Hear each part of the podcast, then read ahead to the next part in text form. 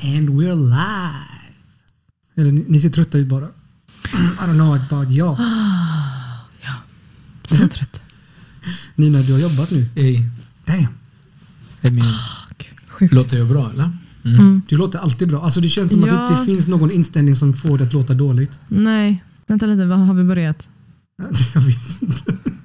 Det, det Daniel. är först snacket. Jag fattar ingenting. Kan vi börja eller? Ja, vi har Ja. börjat. Vi har det? Ja. Men vad fan, ni får ju säga ett, två, tre eller någonting. Jag vet Det är inte. Daniel, inte jag.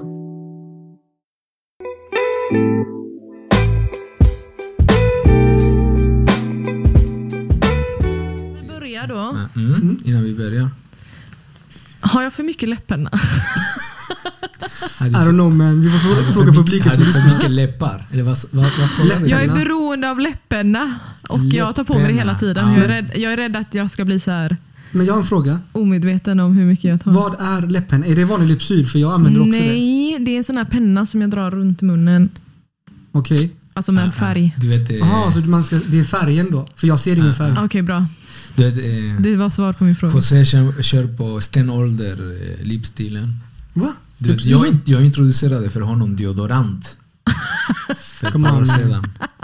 Alltså, men kolla, kolla. Alltså han överdriver det. För det första, Men du har en poäng med det. Mm. för det första han, när det presenteras som Daniel säger det, då låter det som att jag är äcklig. Men jag vill att alla lyssnar på mig. Vi har ett naturligt hudfett som skyddar vår kropp, som fräter bort när vi använder så mycket kemikalier. Så jag gillar min egna lukt och jag duschar ofta och jag luktar inte illa. Men du har inte deodorant för din Mm. egen skull, José. Nej. Ingen bryr sig om du gillar din egen doft. Men jag har inte hört någon klaga. Eller tror, luktar jag illa? Att du träffar, i och för sig, du, du träffar endast en kvinna. Men, Det hade du gjort i tio år, eller hur? men jag har aldrig hört att jag luktar illa. Tror, Men du jobbar hemifrån nu också, så det är helt okej. Nej, ja, du luktar inte illa. Ser du? Nej, Det gör inte det. Och det är för att jag skyddar min egna kroppsfett. Vi har kroppsfetter. det är Och jättefint. de fräter bort med tiden när vi använder kemikalier hela tiden. Så Look he- this up. heta tips, skydda era naturliga kroppsfett. Det är bra, så kan vi börja då. Okej, ladies and gentlemen. Välkommen till ännu ett avsnitt av tredje rummet. Boom! Para lo chorro. Ha. Ja. Oh my god, hur har er vecka varit? Vill ni berätta? Ah, Det var, det var väl okej. Men jag kanske har ett par nyheter. Vi har fått en ny lyssnare. En ny lyssnare. Mm. Wow! Kanske kan Så vi är uppe i en nu då, eller? Ehä. Ja, men på riktigt. Och det, ja, det är folk utomlands som lyssnar på tredje rummet.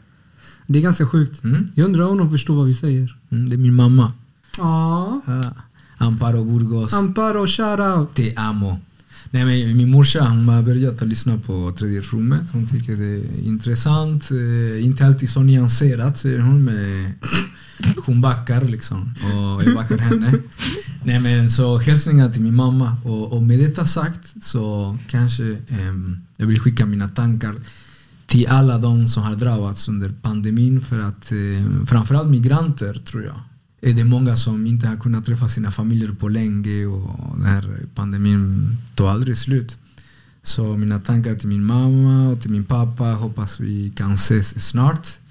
Och eh, styrka till alla andra som, eh, som på grund av situationen är separerade från sina familjer. Verkligen. Så det här avsnittet är till er. Men eh, det är ändå lite roligt för jag minns att senast jag träffade din mamma så sa hon att hon lyssnade på det rummet. Redan? Men Oh, det är kul att hon disclaimer, började disclaimer. lyssna nu. Hon har verkligen så här bara försökt stötta sin son. Bara, ja, jag Ja. lyssnar på avsnitten. De är jättebra. Ja, hon börjar kommentera nu i alla fall. Wow. Folk utvisas ändå, trots pandemin. Det där, är- det där är På up. tal om det. Det där är messed up. Det är Mm. sant. Men, när var senaste utvisningen? Eller vet ni vet ni inte det? Va, vad menar du? Alltså de, de har utvisats. Jag, jag har också hört och, och eh, läst, men jag har inte det uppe just nu. Det, att eh, Nej, de, alltså det de flyger till Afghanistan fortfarande trots pandemin. Ja, ja, ja, ja. Mm. absolut. Det är inga hinder mot att utvisa folk ändå. Damn. Det är intressant det du säger ändå med tanken på den pågående debatt i relation till eh, kriminalpolitik Mm. och säkerhetsfrågor att eh, det finns en, en, en, en tendens och en diskurs när man projicerar våldet på miljonprogrammet och på vissa grupper i samhället. Men, och till exempel vissa grupper måste ta avstånd när, när det sker en attentat någon annanstans. Men när det gäller liksom våldet som staten utövar dagligen som Ja, ja De de, har ju mass- våldsmonopolet så att... Nej, massdeportationer, det, det, det diskuteras inte, det ses inte som våld. nej, precis. Det är ju Det är neutralt. det är neutralt. Som vi är tillbaka på neutralitetsbegreppet. avsnittet. Precis. Det är messed up. Och eh, alltså så som migranterna behandlas. De har alltid nog varit den som klär skott för det. Eh, för det värsta av mänskligheten liksom. Och vad hände med, med afghaner då i Sverige? Det känns som att de fick uppstå något som är nästan extraordinärt i relation till både och den, den fysiska och den diskursiva våldet som vi har vittnat om senaste, de senaste fem åren, senaste sex åren. Ja, alltså en jämförelse ofta, som ofta görs är ju till andra EU-länder som man kanske upplever som mer rasistiska, till exempel Frankrike och Tyskland.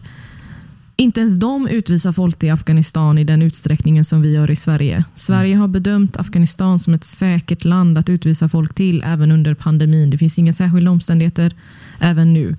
Ja, det är ju, det är ju så jävla skevt. Liksom. Återigen med den svenska självbilden. Mm. Ehm, det, den slås hål, på hela tiden.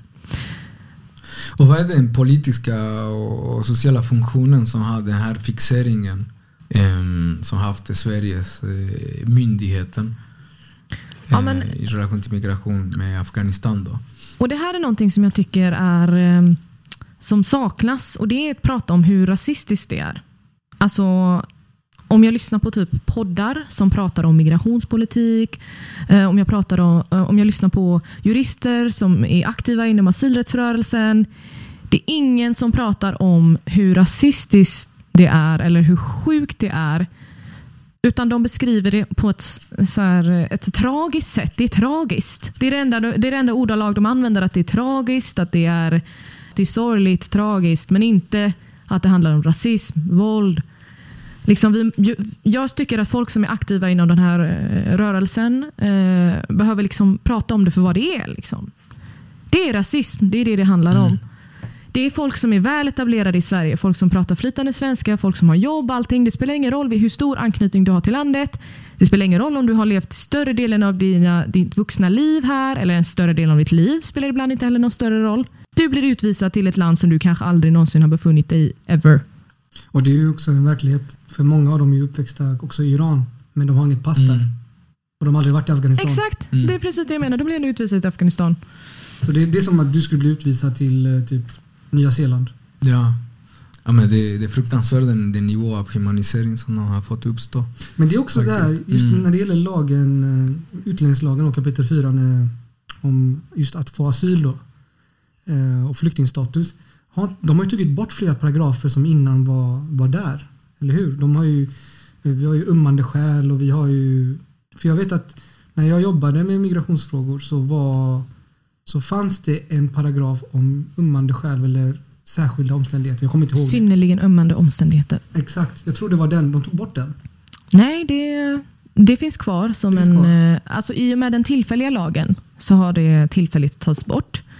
Eh, och eh, Jag vet att många har ehm, eh, ifrågasatt detta i den nya migrationsutredningen. Mm. Att det inte skulle finnas någon... Eh, att man på humanitär grund skulle kunna beviljas uppehållstillstånd. Till exempel att det ska finnas någon liten slasktratt som ändå i princip aldrig kan tillämpas i praktiken ändå.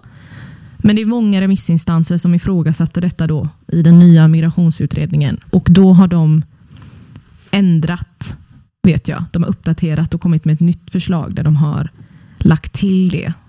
Nu är inte jag helt hundra, men jag tror att de har Mm. lagt till att det ska finnas någon slags eh, ventil där i alla Så fall. det kan bli aktuellt då med att den kommer tillbaka. Ja, Eventuellt, man ja vet inte. precis. Så det där är ju, den där utredningen har varit en eh, alltså, krigsfält liksom. Där de ändrar hela tiden i den. Mm. Nej, alltså det är så komplicerat och det blir inte mindre komplicerat. Det som eh, Migrationsverket och andra lyfter som positivt är att vi äntligen får en enhetlig lag.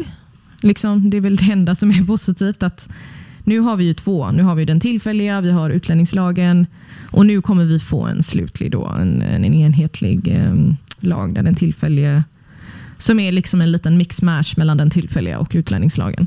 Men den tillfälliga är ju också hem, ganska hemsk. Ja, ja, alltså det, Intressant att det är det de lyfter fram, att det är enhetligt och det är det enda som är lätt att tolka för byråkraterna snarare än Det är det inte ens. Inte ens. liv kanske. Exakt, nej Mm. det är inte det mest relevanta. Jag, jag, jag har en fråga där. Barnkonventionen har ju också blivit lag. Mm. Vet man om den trumpar, äh, trumfar olika äh, utlänningslagen när det gäller barn? Eller kan barn fortfarande bli utvisade? Eh, barn blir i allra högsta grad fortfarande utvisade trots att barnkonventionen är lag i Sverige. Eh, och Det folk inte förstår är att Sverige har ratificerat barnkonventionen och den ska vara gällande som svensk, alltså den ska vara gällande redan innan den blev inkorporerad som svensk lagstiftning i Sverige. Vi ska tillämpa den, vi ska följa den. Liksom. Det har vi åtagit oss att göra när vi har ratificerat den. Så att den har blivit lagstiftning handlar mer om att ja, det är lite mer symbolpolitik och försöka att trycka på att barns rättigheter är viktiga i Sverige. För att tydligen så har ju inte den fått genomslag i Sverige eh, i så utsträckning som man, ha, som man egentligen vill att den ska ha. Då. Så det är väl därför man har gjort om den till en lagstiftning. Också att vi i Sverige har en så kallad dualistisk eh, typ av, alltså internationella dokument måste oftast inkorporeras i, vårt, i, vår, eh, i våra lagar för att de ska bli tillämpbara, för att man ska hänvisa till dem i domstol och så vidare.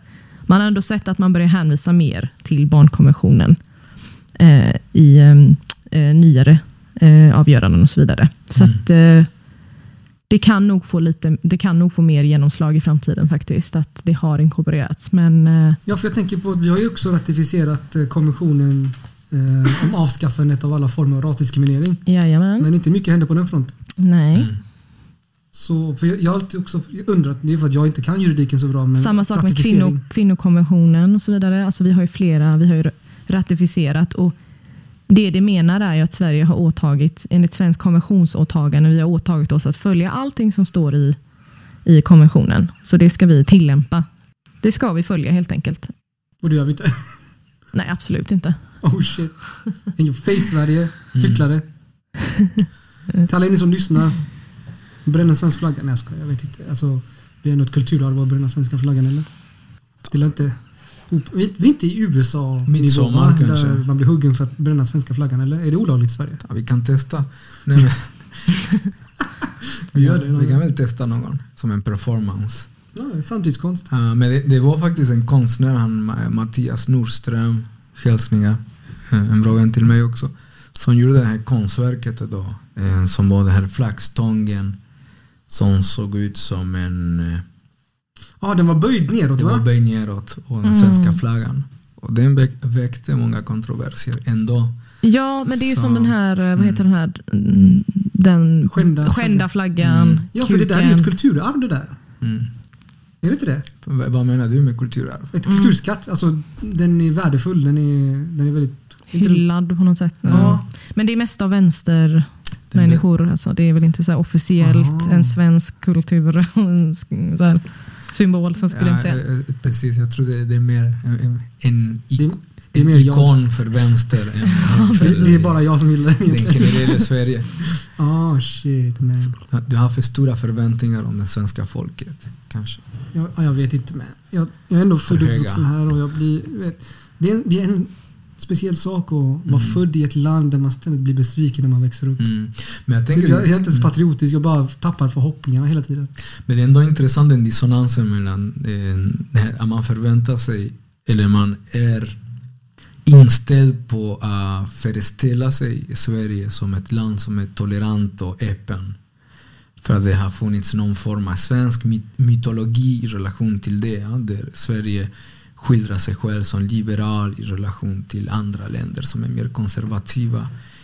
Och eh, jag tror det är många som kanske lyssnar som inte växte upp här och eh, som har erfarenheter i andra länder. Och det är oftast, jag menar, om vi tänker på narkotikapolitik, om vi tänker på jag menar, hur många queera platser finns i staden som Göteborg som är, som är den andra största staden? Det finns väldigt få i relation till det man kanske får uppleva i Tyskland. Tyskland, säg Spanien till Mm. exempel, i Malaga, Fuengirola, Madrid, Barcelona. Det finns stadsdelar, klubbar. Så det är ändå väldigt monokultur, normativ. Det, det känns som att det finns kanske ett, ett visst antal olika, kanske fem eller fyra olika sätt att vara svensk. Och- Det var faktiskt bra formulerat. vet, och, Alltså. och, och du måste liksom ta på dig en tvångströja om du vill vara fungerande social eller acceptera socialt i Sverige. Det finns kanske fyra, fem stereotyper. Mm. Du måste typ gilla mm. På spåret. Gift vid första ögonkastet. Eh, några andra så här fattiga svenska serier. För att det är det enda de pratar om på alla, Ja, och det är någon form av... i alla lunchrum. Ja, precis. Det finns en, en, den, den kultur-Sverige som Ja. alla har lugg och glasögon. Och det, det finns några stereotyper. Liksom, och arbetaren och... José, du ser helt förskräckt ut. Ja. Jag har inte lugg eller glasögon. Nej, men du, du, men du kollar på spåret. Nej. Men vi, Parlamentet. nej. Ja.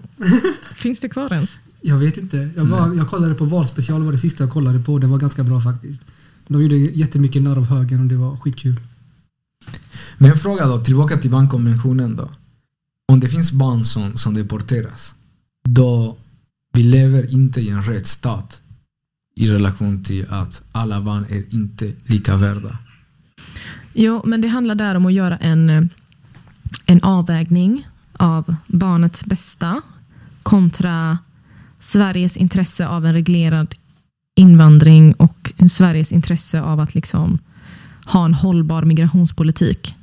Och det, det erkänner man också, att det är det man gör en avvägning. Mm. Och att man får inte kränka barnets bästa, men ofta i den avvägningen så formulerar man det på något sätt som att ah, det här kränker inte barnets bästa och vi har gjort den här avvägningen, men det kränker fortfarande inte barnets bästa. Men oftast är det ju så att de har gjort en avvägning där, de har, där det har vägt tyngre med en reglerad invandring. Fast de säger samtidigt då, vi har inte kränkt barnets bästa trots att vi utvisar barnet. Då. Men oftast är det att eh, de här diskussionerna är ganska tunna kring eh, barnets bästa. Då. Men kan man inte liksom överklaga och prova det i domstol och sånt? Jo, jo, jo. Det, det görs hela tiden, men eh, det finns fortfarande väldigt få möjligheter att eh, få en förändrad bedömning. Alltså det skulle jag säga. Det, måste, ja, det handlar också ofta om bevisfrågor och andra, andra omständigheter. Så det är mycket byråkratiskt tjafs eh, som ligger bakom, så att säga. Och för de som lyssnar, om man vill engagera sig i frågan pragmatiskt och förändra den politiska situationen i relation till denna fråga. Vad är det de kan tänka i relation till nästa val då? Ja du, det är ju att inte rösta. Det finns ju majoriteten av alla partier är ju för den här typen av politik. Det finns endast ett enda parti som jag skulle säga eh, vill se en förändrad migrationspolitik i rätt riktning och det är ju Vänsterpartiet. Inte för att jag är så partipolitisk men eh, om man ska titta på fakta så är det Mm. ju så. Det är de enda som är för en humanitär eh, politik som är i princip helt förenlig med barnkonventionen så att säga. Men jag håller med. Jag håller med. Jag har ju sett eh, Ja, vi droppar fakta. Kristina Larsen och många andra som har kämpat hårt i de här migrationskommittéerna för, för att återinsätta liksom barnets bästa som prioritet i migrationsfrågor och eh, egentligen också att följa mänskliga rättigheterna och FN-konventionen, flyktingkonventionen. Eh, samt att ge amnesti åt alla ensamkommande barn som Mm, fortfarande liksom är i limbo och Mm. inte du vet, varken får stanna och, och, inte, och inte utvisas eller gömmer sig och liksom bor på gatan. Alltså de förstör dem. Det här är, ju- det här är Det här ett är helvete. livet. Det här är Mm. bara steget innan att vara tillbaka i kriget och det var att, eh, att förmultna i, på gatan utan någon som älskar dig, utan att känna sig önskad och Mm. bli förvisad överallt och liksom bli provocerad av, av våld från väktare och människor runt omkring och partier som försöker hetsa mot dem. Alltså, Mm. kom igen, den här vardagen är hemsk. Ja, den är fruktansvärd. jag Och, tror det- också. och Vänsterpartiet är de som, som pressar då för att ge Mm. amnesti åt alla. Men ofta så motiverar man det så också att man eh, utvisar barnet med sina föräldrar. Alltså så har den ju anknytning till sina föräldrar och på så sätt så har den ett skyddsnät så att säga. Och då är det förenligt med barnets bästa att utvisa den till exempel. Det kan vara en argumentation som hörs. Men du vet, kanske för fem år sedan, när det var, kommer, du, ihåg- kommer du ihåg när, när afghanska barn var verkligen i fokus i, i den politiska debatten? Och det, och, det här, och det cirkulerade denna diskurs om att vi är i någon form av flyktingkris och, och så vidare. Och Danmark, Norge stängde sina gränser. Eh, någonstans där man började kriminalisera solidariteten. Mm. Och det, Ehm. för att rättfärdiga det så spred man ju myter, vilket man fortfarande gör också, om att det här inte var riktiga barn. Exakt. Utan det här var vuxna män. Liksom. Eh, och alla som faktiskt har träffat de här ungdomarna och som jobbat med dem vet ju mycket väl om att det är barn det rör sig om. Så att, eh, ja, det är väldigt tragiskt att sådana såna myter får fotfäste. Men det är ju också förenligt Mm. med den rasistiska retoriken som, har, som är återkommande hela tiden. Liksom. Ehm, Och det var väl artikulerade och orkestrerade i samtliga medier. Och Mm. skapade någon form av common sense. Men alltså det roliga är att ofta tycker jag inte att det är det. Utan ofta är det verkligen att de spyr ur sig galla och de kommer undan med det. Alltså som vi ser haveriet Mm. med Bulletin nu, tidningen. Oh. Alltså det är kaos, det är skit.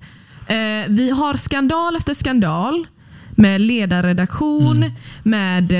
Eh, vad är det de har gjort? De har eh, fan Jag kopierat ledare. Liksom. plagierat. De har plagierat ledare. Sjuka anklagelser och sjuka bevis. Och ändå så är det så här... Meh. Men den Ja, folk, folk, ja. folk delar fortfarande deras Jag artiklar. vet, jag Så här, vet. helt oskam. Men det här, det här är ändå det som man Jag anses, eh, anses vara någon form av alternativa media. Men i den etablerade media, inte minst public service, så diskursiv attackerade man den målgruppen ständigt i relation till att insinuera en ohållbar situation, en kris. Um, samma med Göteborgs-Posten från, det var Alice Teodorescu var en av ledande skribenter på den tiden. Som, Alltså jag, jag vill inte säga att jag är jätteinsatt, men jag har följt eh, Bulletins eh, eh, implosion och kollaps. mm, Mest för att jag njutit av det. Eh, och jag vet att Alice Tuaderescu var en av dem som blev tystade på någon Zoom-möte med ledningen. Och Den hon satte på sin mick igen och ledningen stängde av hennes mick igen och det var värsta så här, sandlådedramat i mötet. Och då var det, det är en kris mellan ledningen, alltså de som äger Bulletin och delägare, och eh, redaktionen då. Och de här otippade människorna bråkar. Alice Tuaderescu hon hon är en sidofigur här. Alltså hon var ändå en huvudfigur i sin liberala förälskelse eh, på Göteborgs-Posten. Ja. De älskar henne. Men på Bulletin har hon inte tagit stor plats. Och det som har hänt är att Ivar Arpi och Tino en annan clown. jag är rädd att Mm. säga fel så jag bara stannar på Tino. Eh, de är de mest otippade fienderna för de har gått in, alltså de har gått loss på varandra. De är båda lika fanatiska. Och de jobbar i samma, Alltså brorsan, de har samma i samma ondskefulla blick. Okej, ja. Ni, alltså, ska Jag, jag dem. älskar det. Jag, älskar, jag har ju alltså- hört deras bråk. Ja, Ja, Men hur Jag många njuter, jag ormar kan du slänga Issa på, på en och samma plats? Alltså? ha? Hur, må, egoister. alltså, hur många ormar kan du ha i en och samma plats? Jag tror inte det går. Det, Det, här det händer. här visar. Ja, intressant. Men det är så roligt då för att det, de är på sandlådenivå. De står och, Mm. vet, anklagar varandra för arbetsmiljöproblem. Och du vet, det här är människor som inte tror på arbetsmiljö. De är höger. Mm. kapitalismen ska styra allting. Ironin i det, ja. E- e- eller hur? Mm. Men, Men- arbetsmiljö, jag bara, arbetsmiljö är en vänstervriden idé. Liksom, vem, varför använder ni sådana begrepp? Det, det här är ett, ett budskap från mig, José, till Bulletin. Ni måste lösa detta genom att outsourca er till ännu större marknadskrafter. Då kommer den osynliga handen komma och rädda er, jag lovar. Sluta prata om reglering, prata inte om arbetsmiljö, prata inte om rättvisa löner, utan jobba hårdare så kommer Bulletin fungera. Det är era egna ord, använd dem. Kom igen, lev som ni lär. Och fortsätt tysta mer kompetenta kvinnor. Det är ju självklart. Ja, stäng av micken på Alex Tuadorescu. Toadorescu, som du sa förut. Tuadorescu. och, du vet, och Tino du vet, och Ivar, alltså, det, det är en jätterolig historia hur de bråkar. Du vet, alltså, de är jättebarnsliga. Och, du vet, så här, om, jag tror Ivar Arpi försökte jag är inte säker om det var ERP nu, eh, citera inte mig, men någon försökte rekrytera eh, Joakim Lamotte till Bulletin. I'm not making this shit up. Han hade passat in. Och så hade hade passat in. ledningen inte Mm. godkänt detta så de var i chock. Det var basically Tino säger till Ivar Arpi liksom, du är orespektlös, fattar du? Det, är det han säger. För de vill ha makt. De, de, har, en helt, de har ju en korporatistisk eh, perspektiv på hur de ska driva Bulletin. Alltså det andra är ju att, att ledningen låter redaktionen vara, de har liksom en general idé men resten så får redaktionen sköta det själva. Men Bulletin har ju den här att alla måste vara lojala till ledningen för att vi är av samma ideologiska eller etniska bakgrund. Det är det som är korporatismen. Man ska, man ska se liksom en... Det ska finnas en annan grund än, än sin klass. Det ska vara typ nationalistisk eller någonting annat. Att vi... vi, vet, vi Trump är från samma... Eh, Ja, fast det är främst ideologiskt då. Ja, ja absolut. Men det är liksom det som är korporatismen då. Att, att även de på, på marken är lojala till han på toppen. Eh, för det är oftast en han. Eh, och, eh, Ja, värdegrunder som de delar med Mm. varandra. precis. Mm. Som ofta är fascistiska. Och det är korporatism. Och det är det Bulletin vill ha. Mm. Men, Men, eftersom de alla är sjuka i huvudet så kommer de inte överens ändå. Såklart. Det räcker inte med värdegrunden. nej, de vänder sig till vänstervridna idéer som arbetsmiljö. Men det är, det, alltså det, är ju, det är ju det som är problemet. De är ju alla hycklare. Alltså annars hade de inte kunnat vara... Alltså det är ju essensen av högerideologier är ju att vara hycklare helt enkelt. De är motsägelsefulla i allting Mm. de gör. Ja. Ja, det är De liksom erkänner inte strukturer men samtidigt liksom... Vill ha strukturer. Vi, ja, liksom, så här, eh, det, det är som typ de här, eh, men som liberalfeminism då. Mm. Det, Ja, man är feminist. som, har, som, har- som har gått för långt. Liberalfeminismen har gått för långt. Men det har den faktiskt. Alltså, För länge sedan. Get em. som, som nu senast så eh, blev ju eh, en centerman, en vit cisman, blev eh, framröstad som årets kvinna. Lys- Lyssna på det. Cis-man också. Jag tror det, den där är väldigt viktig. Cis-man. Alltså Nina, hade inte du visat mig Jag har skrattat så mycket åt detta, men samtidigt gråtit för att de är seriösa. Eh, och, ja, han fick ju då pris som årets kvinna och eh, like that wasn't enough så har han lyft att det är ett tecken på att den här organisationen då, vilket är Centerkvinnorna. Ah. Det är tecken på att organisationen är jämställd att de ger priset till en man. Wow alltså. Badumts. Fett bisarrt. Alltså, ja. jag kommer inte över det här. Hade, du inte visat mig länken så hade jag inte trott dig. Alltså, jag Nej men du trodde, da, eh, Daniel, trodde du trodde det. att det var en parodi. Du bara, trodde, "Det här är hon, en du trodde hon parodi." skojade bara va? Jag tror det var någon form av parodi som hade lagt liksom på nätet. Och, Så här, första april inte än liksom. ungefär, ja.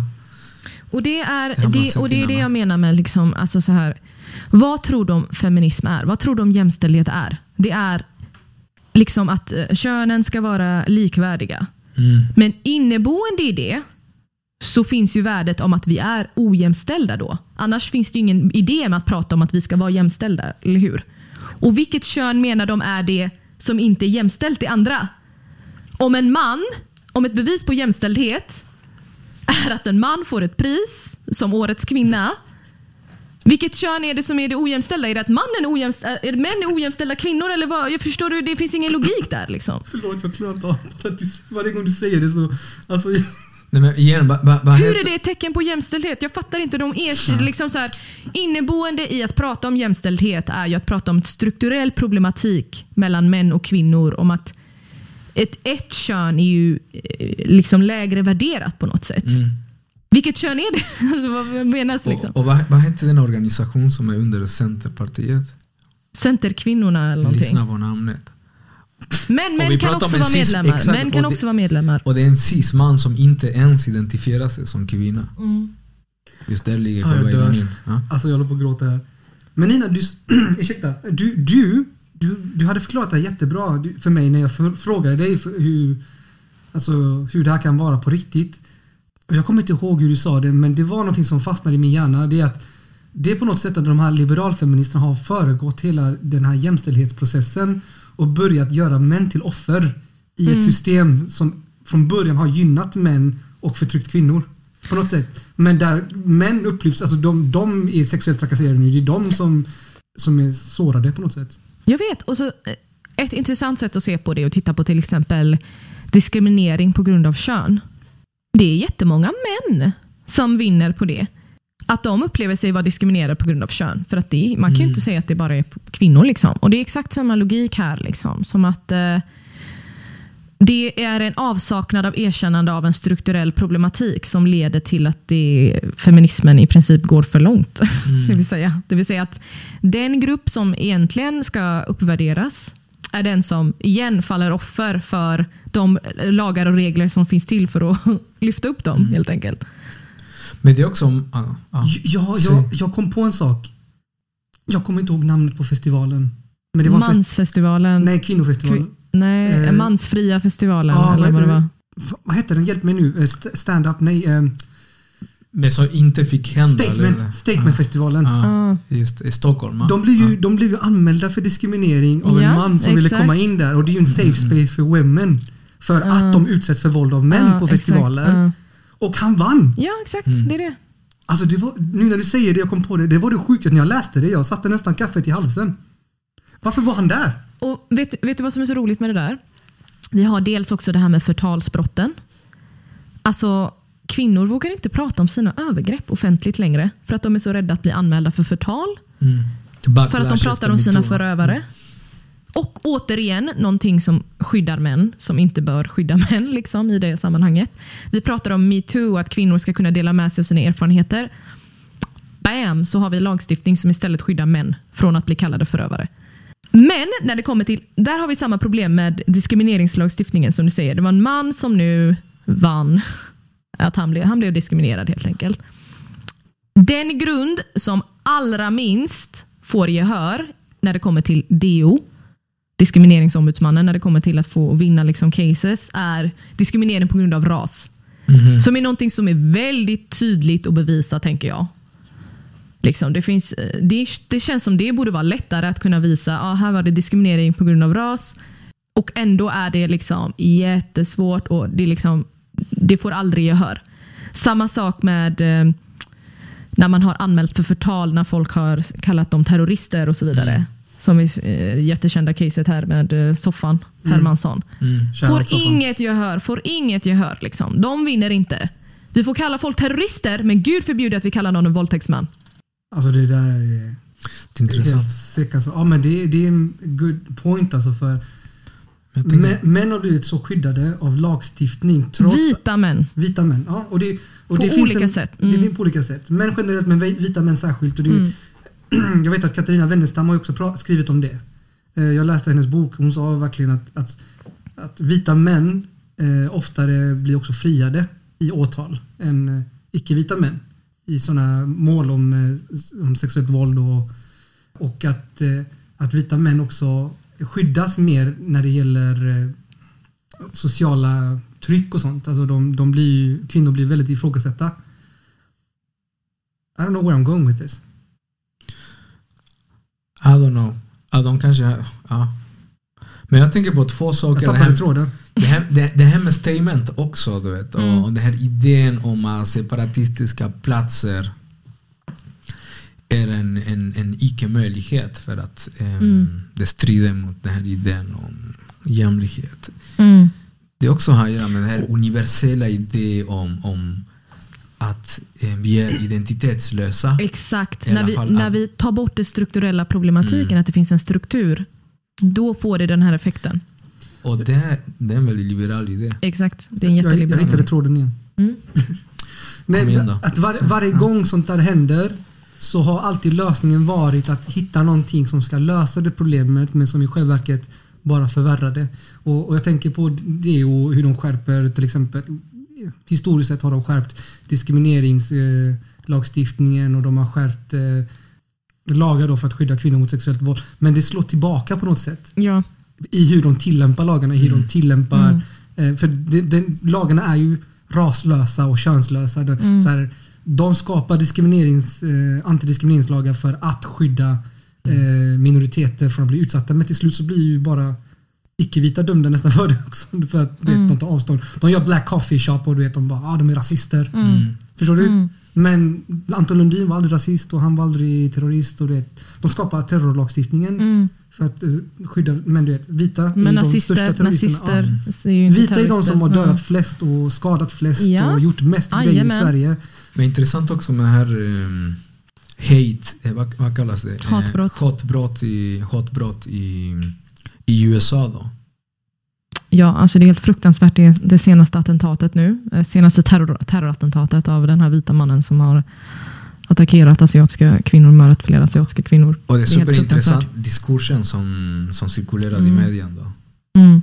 Den, den nämns inte ens som en, som en Nej, nej, nej, nej, nej, nej. Men alltså det landet är bara... För att de Just identi- det. du vet, den, vita mannen, alltså. den vita mannen och också den vita kvinnor, de är identitetslösa. Ja. De är neutrala. Han hade de en dålig är, dag sa polisen va? De är alla och de är så allt. snälla, jag orkar inte. Ja. Alltså. Jag är så trött på det här. Mm.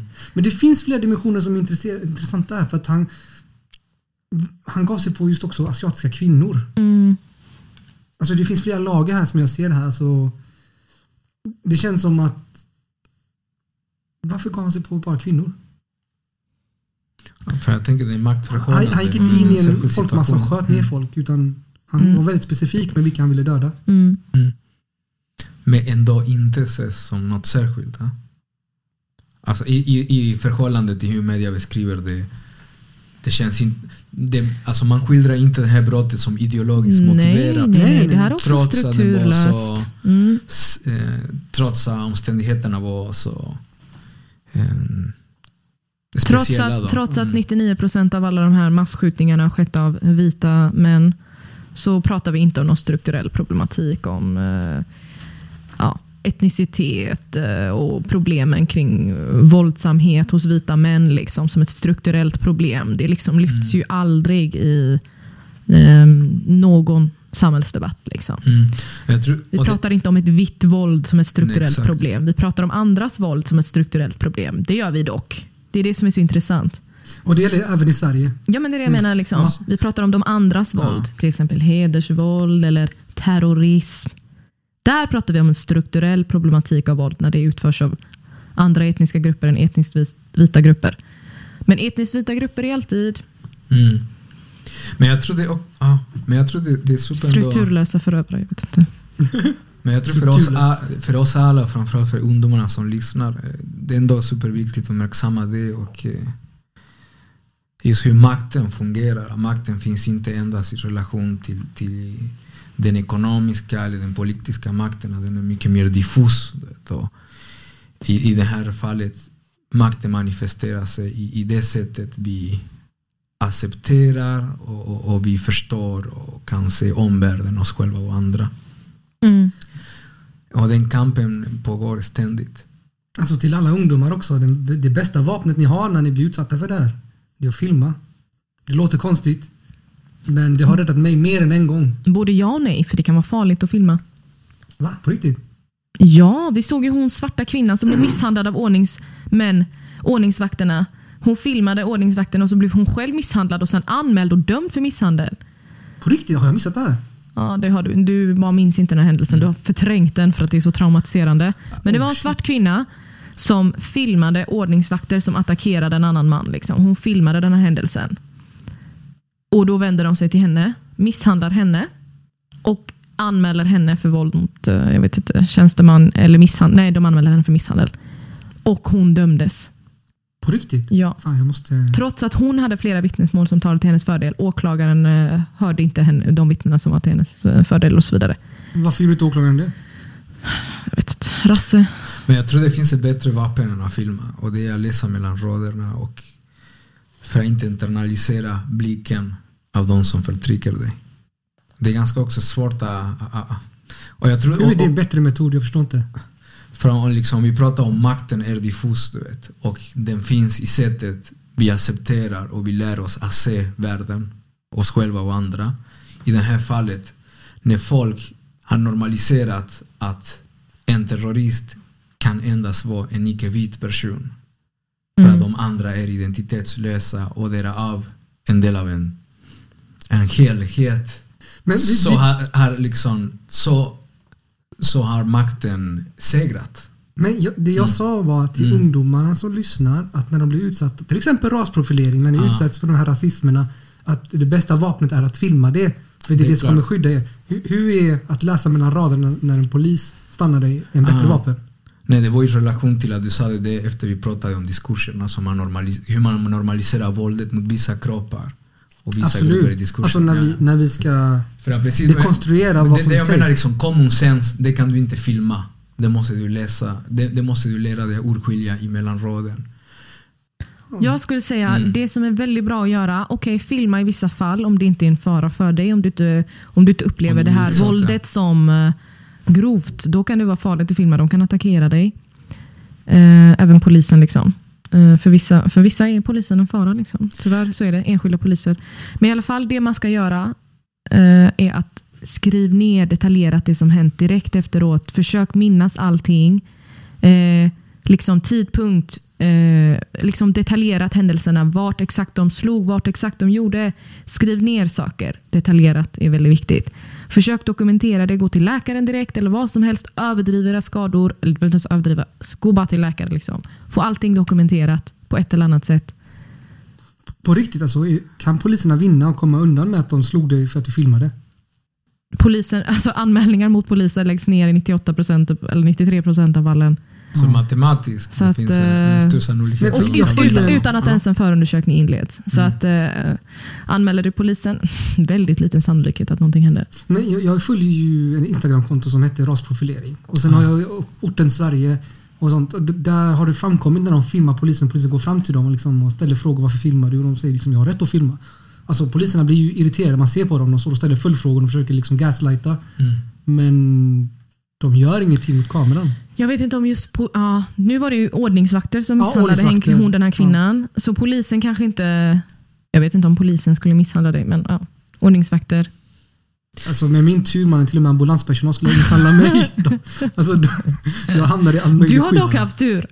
Med andra grejer. Ja, ah, alltså tur och otur. Jag, jag tror jag, all, jag alltid hamnat i gränsen till att det blir otur men ändå klarat mig och det är, det är för många gånger jag hamnat där alltså. Änglavakt. Den, den där är många som har efterfrågat faktiskt. Den här form någon, någon form av vardagsjuridik i relation till ja, i mötet med, med polisen och ordningsmakten. Mm. Vi kanske hade kunnat arrangera någon form av roundtable med två eller tre jurister som kan, Myran. som kan tipsa Ja. folk i, i relation Miran. till civil olydnad, demonstrationer, om man blir kroppsvisiterad i stan för att man Mm. blir rasprofilerad och så vidare. Hej, Är det en möjlighet då? Vad tycker ni? det tycker jag hade varit en Mm. jättebra idé. Att prata om hur eh, barn kommer kunna bli kroppsvisiterade nu. Eller jag pratade med min partner och sa att det alltid varit möjligt egentligen. Mm. Mm. Men Möjligheterna ska utökas. exakt. Mm, På vilket sätt då? Vilken lag kommer att träda? Är, Jag är, faktiskt inte ins- jag är faktiskt inte Ja. insatt i det här. Så att, Nej, eh, Det är bara jag som gillar att prata utan att veta. Jag har bara Mm. hört det. Men vi kan återkomma Vi kan återkomma till det. Så citera Ja. inte mig. mm. Och eh, en rättelse då angående min förra avsnitt där jag sa att det fanns eh, en lag om anknytning som beskrev du vet, invandrarmän på ett visst sätt och, och svenska män på ett annat sätt. Mm. Så var det inte i, i relation till brott. Eh, det var i relation till, till anknytningar och hur de kan brista. Eh, Men det sa du ju. Att sa det jag det? var- För jag Ja, trodde det hade att göra med brottsmål. Men jag har råkat ha texten här så jag vill det var bara korrigera mig själv. till hur Mm. man ska tolka. Ja, så här är rättelsen. Mm. Det här står i självaste lagen som jag, som jag nu tappar bort för att jag är en klant. Ge mig en sekund. Ja, proposition eh, 1999 2000 eh, kolon men- 43. Ah, vänta en parentes där. Vad vad är en proposition för de som lyssnar? Fråga Nina. Ja, en proposition det är då förslag på beslut till vad som sen ska bli en lag. Då. Så det kan bli väldigt ledande i relation till hur man tolkar. Det är exakt, det Mm. används oftast Lagen. för att tolka bestämmelser i lagen. Liksom. Man beskriver mer ingående på hur man har tänkt när man har utformat den här lagen. Liksom. Mm. Så här står det då. De kvinnor som kommer hit för att gifta sig med landsman kommer i många fall från samhällen där kvinnans frihet är starkt begränsad. Av såväl kulturella som praktiska skäl blir de ofta helt beroende av sina män. En del kanske inte vill eller får gå på svenskundervisning och de blir därmed lätt isolerade. Ofta har männen varit i Sverige några år och i viss mån anpassat sig till svenska förhållanden. Det finns stor risk att makarnas livsstil kolliderar. Okej? Så ni hörde hur de beskrev. Mm. Mm. Eh, Det är utländska kvinnor som gifter sig med svenska män eller med Sverige bosatta män av annan nationalitet än den egna kan möta problem av ett annat slag. I dessa förhållanden kan kulturkonflikter orsaka problem. Inte minst kan motsättningar i synen på sexualitet, samlevnad och könsroller vara svåra att bemästra. Särskilt om språksvårigheter hindrar en bra kommunikation mellan parterna. Ni, ser hur annorlunda det blir när en svensk man är inblandad. Ja, men intressant, det finns en idé om invandrarskap som essentiellt annorlunda. Ja, Och jag, tror, och tror, jag tror faktiskt problemet i den formulering- formuleringen är inte endast idén om essentiellt annorlunda. Den är också essentiellt underordnad Mm. de svenska, den idé om den svenska kulturen. ja precis. Men det var bara en rättelse liksom, bara i så att, propositionen. Då. när, så Ett förtydligande. ja, förtydligande för mitt förra avsnitt. Där jag, det, Mm. Lyssna, jag snackar mycket skit ibland. Alla måste veta detta. Jag snackar skit för att jag har information i mitt huvud men det blir scrambled. Men jag har också eh, källorna. Mm. Och har jag inte källorna så kan jag ibland bara vet, korscitera och det blir lite fel ibland. Så ha överseende med mig. Till exempel när jag sa att eh, mina föräldrar var hyperkatolska. Det var de inte utan det var mer att de var konservativa och jag sa det på det sättet. Så liksom, ta mig med en skopa salt när jag pratar. Jag talar ändå sanning men du vet, Ja. ta mig inte, märk inte mina ord. Men intressant, det du läste, alltså, du ser exakt samma, samma logik som, som den som förekommer i median när man skildrar eh, Mm. em, terrorattacker som Mm. genomförs av de högerextrema eller av vita eller det som händer nu i USA till exempel. Ja, men det finns essentiella skillnader Mm. i juridiken till och med mellan svenska män och utländska män. Och det var jag Oh, ja. menade. liksom, att kanske den typen av makten är svårare att identifiera och agera i relation till än kanske när en polis adresserar dig på gatan. Mm. Ja, någonting som jag ofta pratar om också är ju skillnaden på vad utländsk kvinna som blir utsatt för våld, en kvinna som inte har uppehållstillstånd i Sverige och en svensk kvinna som blir utsatt för våld i Sverige. Och Det är just det här som är att man kommer hit på anknytning till en man. då. Du är Mm. gift eller sambo med en man och han utsätter dig för våld. Om det är grunden du är här på, så kan du, om du är utsatt för våld, kan du ändå kanske få uppehållstillstånd. Men och det här framgår också av propositioner och förarbeten som det också kallas. Att eh, för att du ska kunna få det här eh, uppehållstillståndet alltså, så måste våldet ha varit, haft en viss omfattning. Det kan inte bara vara liksom ett slag eller så. Det måste ha varit en viss omfattning. Du måste ha viss anknytning till Sverige. Alltså du måste ha befunnit dig här under en viss tid. Alltså, vi säger att om du blir misshandlad från dag ett som du kommer till Sverige. Det spelar ingen roll, du måste bli misshandlad under ändå två år, säg det. Nej, några månader i alla Mm, fall. okej. Måste du ha eh, något, ja, typ ett år, några månader. Anknytning till Sverige måste du ha på något sätt. Liksom. Du måste varit här en viss tid. Du kan, inte kom, du kan inte gå dag ett och bara jag har blivit misshandlad, gå till polisen. Visst, du kan få tillfälligt om du har blivit utsatt för brott. Men du får inte stanna i Sverige. Alltså liksom, långvarigt får du inte stanna i Sverige. Liksom. Utan under tiden som du kanske utreds för ett annat brott så kanske du får vistas lagligen i Sverige under en kortare period tills den här utredningen är klar. Men din rätt att befinna dig i Sverige lagligen, mer permanent då, eh, det är ju verkligen skillnad på att vara kvinna och kvinna helt enkelt. Eftersom det är ju väldigt tydligt här då att du ska behöva stå ut med en viss mängd av våld för att ha rätt att stanna här i princip. Mm. Alltså, jag, jag snackade med en, eh, en äldre kvinna som hade jobbat på Migrationsverket i över 30 år. Och hon berättade när jag tog upp det här, eh, vi pratade lite om, om rasism du vet, och eh, särskilt också hur utsatta kvinnor är för just utvisning. Och hon sa det att under sina 30 år så har hon sett en jävla massa skit när det kommer till anknytning. Hon, hon sa att hon minns en man som hade kommit till dem kanske 6-7 gånger. Och varje gång så var det en, en ny fru som han bara sa skicka hem henne. Och jag, jag har Mm. skilt mig från henne. Och de kan Det- inte göra ett skit åt det. Alltså hon var, jag har velat slå honom så många gånger. Men vi kan inte göra ett skit åt det. Men det är det också ytterligare lagstiftning som då skyddar mannen och är ett hot mot kvinnor. Och det är det här idén om skenäktenskap. Och vad är ett skenäktenskap? Att de här männen sätter det i system och tar hit kvinnor som de sen skickar hem. Det är inte skenäktenskap tydligen. De får ta hit hur många kvinnor de vill. Som du säger, Migrationsverket gör inte ett skit. De säger inte den här mannen bara nej. Det är, inte bro, det är inte brottsligt heller att han tar hit... mm, mm, eh, mm. Visst, alltså, visst Det det, han, det han gör mot kvinnorna är brottsligt. Men det är svårt att bevisa och det måste vara någon som vill driva det här. Ofta vill ju kvinnorna inte göra det för att de är rädda att de ska bli utvisade. Det är inte ofta en åklagare tar på sig att ändå inleda en förundersökning utan medverkan av kvinnan. Liksom. Så ja, då liksom... Mm. Att han tar hit, att han sätter i system att ta hit kvinna efter kvinna, det ses inte dels som ett skenäktenskap, det ses inte som brottsligt. Men kvinnan får lida 100% av konsekvensen. Hon blir hemskickad. kan tänka mig att det det är mycket oftare man ifrågasätter en svensk kvinna om hon gifter sig med en utländsk man. Ja, där, kan vi, där blir det också, exakt där Mm. har vi snarare, hmm, varför har du, du har gift dig med honom, ja, förmodligen för att han ska få uppehållstillstånd va? Mm. Nu hör, ja, jag ska inte uttala mig om specifika fall kring det, men som du säger, det låter ganska sannolikt att Migrationsverket hade ifrågasatt det i större utsträckning. Och varför skulle en svensk kvinna som medborgare gifta sig med en utländsk man? Ja, Mm. absolut. Amen. Och det är genusdimensionen med också den här idén om ras. Och, Mhm. Alltså the general vibe är helt förstörd alltså. mm. Vi måste fixa the vibe i Sverige. Men- fredag. To end it on a lite mer positive note Ja. så är det ju Norus. Norus i helgen. Ja, det är Norus! Idag, ja. Glad Norus till mina vänner. Nej, den 20 mars. 20 mars. Uff, när lönen kommer dessutom. Va? Mm, Nej, 20 man, mars. 25. 25 kommer 27 här tror jag. Ja, Du ser det är. 20. Vad ska man göra med lönen då? Ja. Det Exakt. Ey, jag saknar Norus när det var på Ah, ja. Heden i Göteborg. Det var Mm. legendariskt. Jag Det- vet. Det var legendariskt. Det var länge sedan känns det som. Har du det varit var så där? underbart. Mm. Man hoppar Eldfest, över elden. eldfesten. Ah. Så mysigt.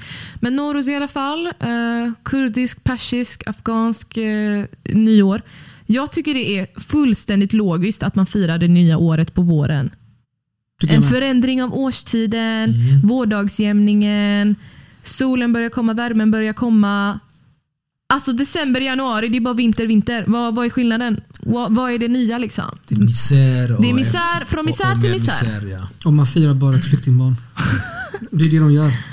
Och det är det eh, SD... Alltså, Det är så ironiskt ändå. ja, apropå motsägelser.